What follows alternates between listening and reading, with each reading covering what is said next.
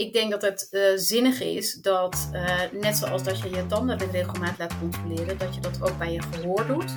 Saskia Kloet is programmamanager van gehoorschadepreventie bij Veiligheid NL. Volgens haar zijn maatregelen om oorsuizen te voorkomen heel hard nodig. Dit is een podcast van ANP Expert Support. Deze dienst staat los van de ANP-redactie. Luna van der Waarde spreekt vandaag deze expert naar aanleiding van dit ANP-nieuwsbericht. Er moet veel meer voorlichting komen over hoe je gehoorschade kunt voorkomen. Deskundigen waarschuwen in het AD dat vooral oorsuizen onder jongeren schrikbarend snel toeneemt. Dat krijgen ze door te hard geluid, bijvoorbeeld tijdens een concert. En van die constante piep of zoom in je oor kom je nooit meer af. Ik spreek met Saskia Kloet van Veiligheid NL. Experts voorzien een vloedgolf aan nieuwe tinnituspatiënten.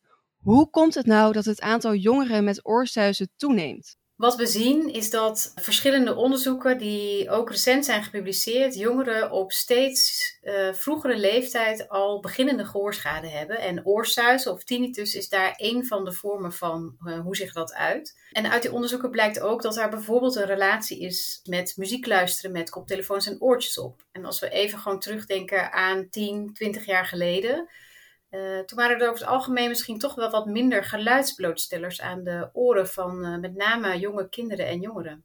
Ja, dus eigenlijk het gebruik van oortjes en koptelefoons maakt het uh, ja, gevaarlijker voor je oren en daarom neemt het aantal jongeren met gehoorschade toe.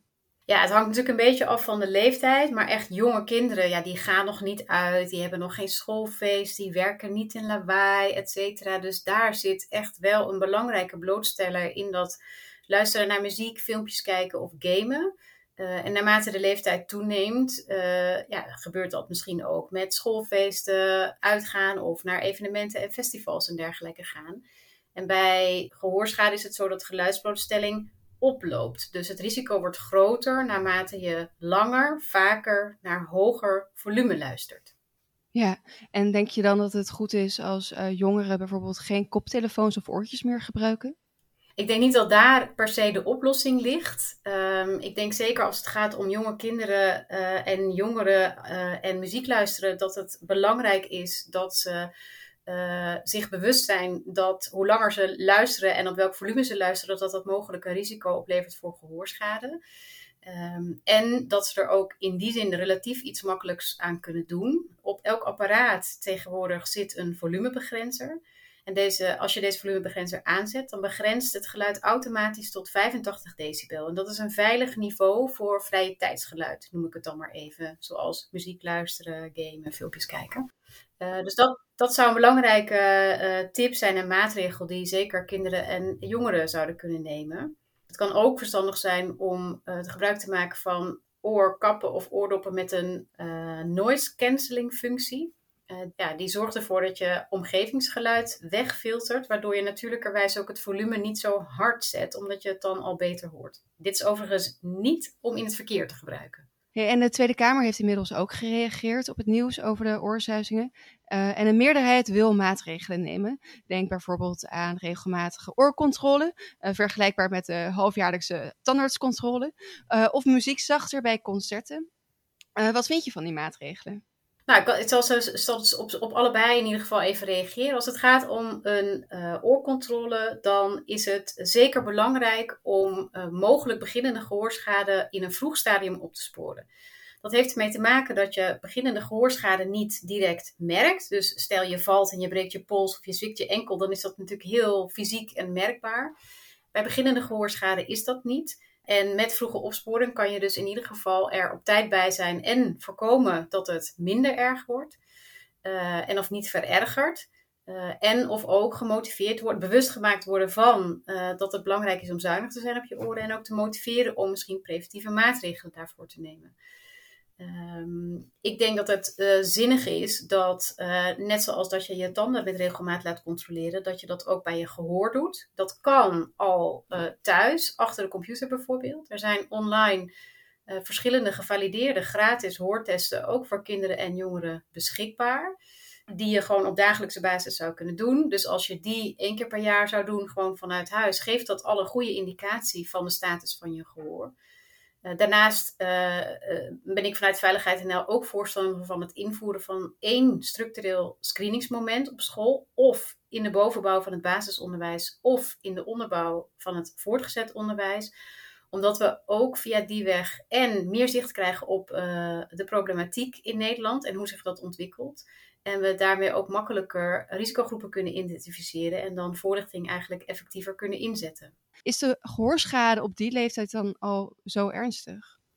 Nou, een redelijk recent onderzoek van onder andere Erasmus Universiteit, Erasmus MC, heeft laten zien dat bij kinderen van 9 tot 11 jaar, dus dan heb je het over groep uh, nou, 5, 6, 7, 8 van de basisschool, al 1 op de 7 kinderen beginnende gehoorschade heeft, waar een relatie is gevonden met muziek luisteren bijvoorbeeld. Ja, en als je dan kijkt naar die reactie van de Tweede Kamer, uh, want de ene was inderdaad de oorcontrole, wat je net uh, toelichtte, en de andere was muziekzachter bij concerten. Wat vind je van die maatregel?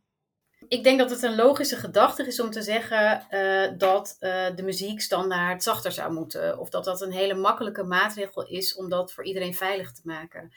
Ik ben zelf niet overtuigd dat we alle geluidsniveaus die geproduceerd worden, zeker in het uitgaan.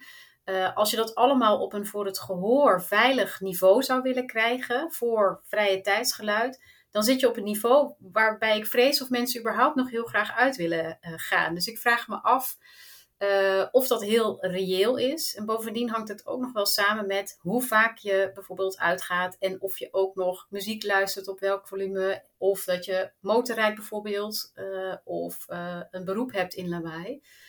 Dus um, het verlagen van geluidsniveaus brengt ook een verlaging van het risico op gehoorschade met zich mee. Maar er zijn ook andere maatregelen die je kunt toepassen om daarvoor te zorgen om het risico te vermijden als je uitgaat, is het bijvoorbeeld zinnig om oorop met muziekfilter te dragen. Um, die dempen het geluid gemiddeld met 15 decibel. En ook dan zit je op een gemiddeld veilig niveau. Ja, maar 15 decibel minder in een club, dat zie je dus niet echt zitten. Uh, nee, ik denk in een club of bij. Ja, wat je moet voorstellen als jij in het weekend bijvoorbeeld naar de gemiddelde kroeg op de hoek gaat. En je gaat daar lunchen, je zit daar te kletsen met een aantal mensen. Er zijn nog een aantal andere tafeltjes. Uh, ook bezet. Er staat uh, radio op de achtergrond aan. Dat is al ongeveer 85, 88 decibel. Um, stel je, als jij naar een concert van je favoriete artiest gaat, of naar een evenement, of naar een dancefeest, of wat dan ook, clubavond. Ja, dan, dan, dan vind ik dat niet een reële gedachte dat dat op dat niveau is. Ik denk niet dat mensen daarvoor naar een concert gaan. Ja, en uh, je noemt net uh, de oorcontrole, oordoppen uh, met muziekdemper en een noise cancelling koptelefoon. En je had ook nog een paar andere tips. Wat zijn andere preventieve maatregelen die nodig zijn? ik denk dat het belang, maar ja, als ik kijk breed in Nederland, belangrijk is om dus meer zicht te krijgen op hoe, hoe is die problematiek nu, omdat er dus niet een hele structurele monitor hiervoor is. Uh, en om te kijken waar, hoe ontwikkelt zich dat en waar zitten dus risicopopulaties. Ik denk dat het daarmee ook belangrijk is dat er uh, echt structureel voorlichting gegeven gaat worden. En misschien dus wel meer dan nu het geval is. Zeker voor de 16 plus geven we nu voorlichting via Isle of My Ears. Maar voor jongere leeftijd, als het gaat over uh, koptelefoons en oortjesgebruik, muziek luisteren, gamen, ja, moet dat eigenlijk nog helemaal opgestart worden.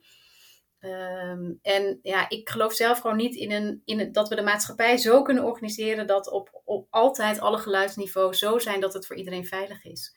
En dat betekent dat er dus altijd aandacht moet zijn voor voorlichting in die zin, uh, bij verschillende groepen voor wie dat relevant is.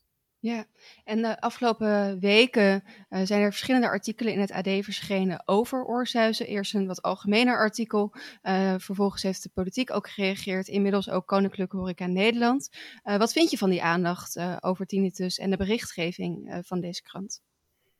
Nou, ik denk dat het fijn is dat er aandacht is voor deze problematiek, omdat ik denk dat in het algemeen mensen onderschatten hoe groot die eigenlijk uh, uh, wel niet is. En dat het dus al op hele jonge leeftijd uh, al om behoorlijke aantallen gaat waar sprake is van beginnende gehoorschade. Dat kan op latere leeftijd grote persoonlijke en maatschappelijke gevolgen hebben. Dus ik denk dat de aandacht goed is. Ik denk dat het nu dus belangrijk is om dan met elkaar ook het juiste gesprek te voeren over wat dan de meest effectieve maatregelen of stappen zijn om te nemen. En die maatregelen en die stappen, die noemde je net natuurlijk. dat is dan vooral preventief. En als je nou eenmaal uh, last hebt van die oorsuizen, dan kom je er niet meer van af. Uh, ja, hoe kun je er dan toch mee leren omgaan? Ja, klopt wat je zegt. Eenmaal opgelopen gehoorschade herstelt zich niet. Uh, trilharen in je binnenoor zijn dan beschadigd. En dat betekent dat dus zeker als je last hebt van tinnitus, dat die klop, piep, brom, wat voor geluid het dan ook is, echt niet meer weggaat. Uh, dat kun je ook niet herstellen. Er bestaan wel effectieve uh, cognitieve therapieën om uh, in, in je dagelijkse praktijk te leren omgaan met dat geluid. En daar zitten zeker mogelijkheden om in de behandeling dus te leren daarmee om te gaan. maar onder de streep is mijn boodschap vooral dat voorkomen nog steeds veel belangrijker is. Dankjewel, Saskia Kloet van Veiligheid NL. Deze en andere experts staan in de database van ANP Expert Support. Ga voor meer informatie naar anp.nl/slash expertcast. Dit is een podcast van ANP Expert Support. Deze dienst staat los van de ANP-redactie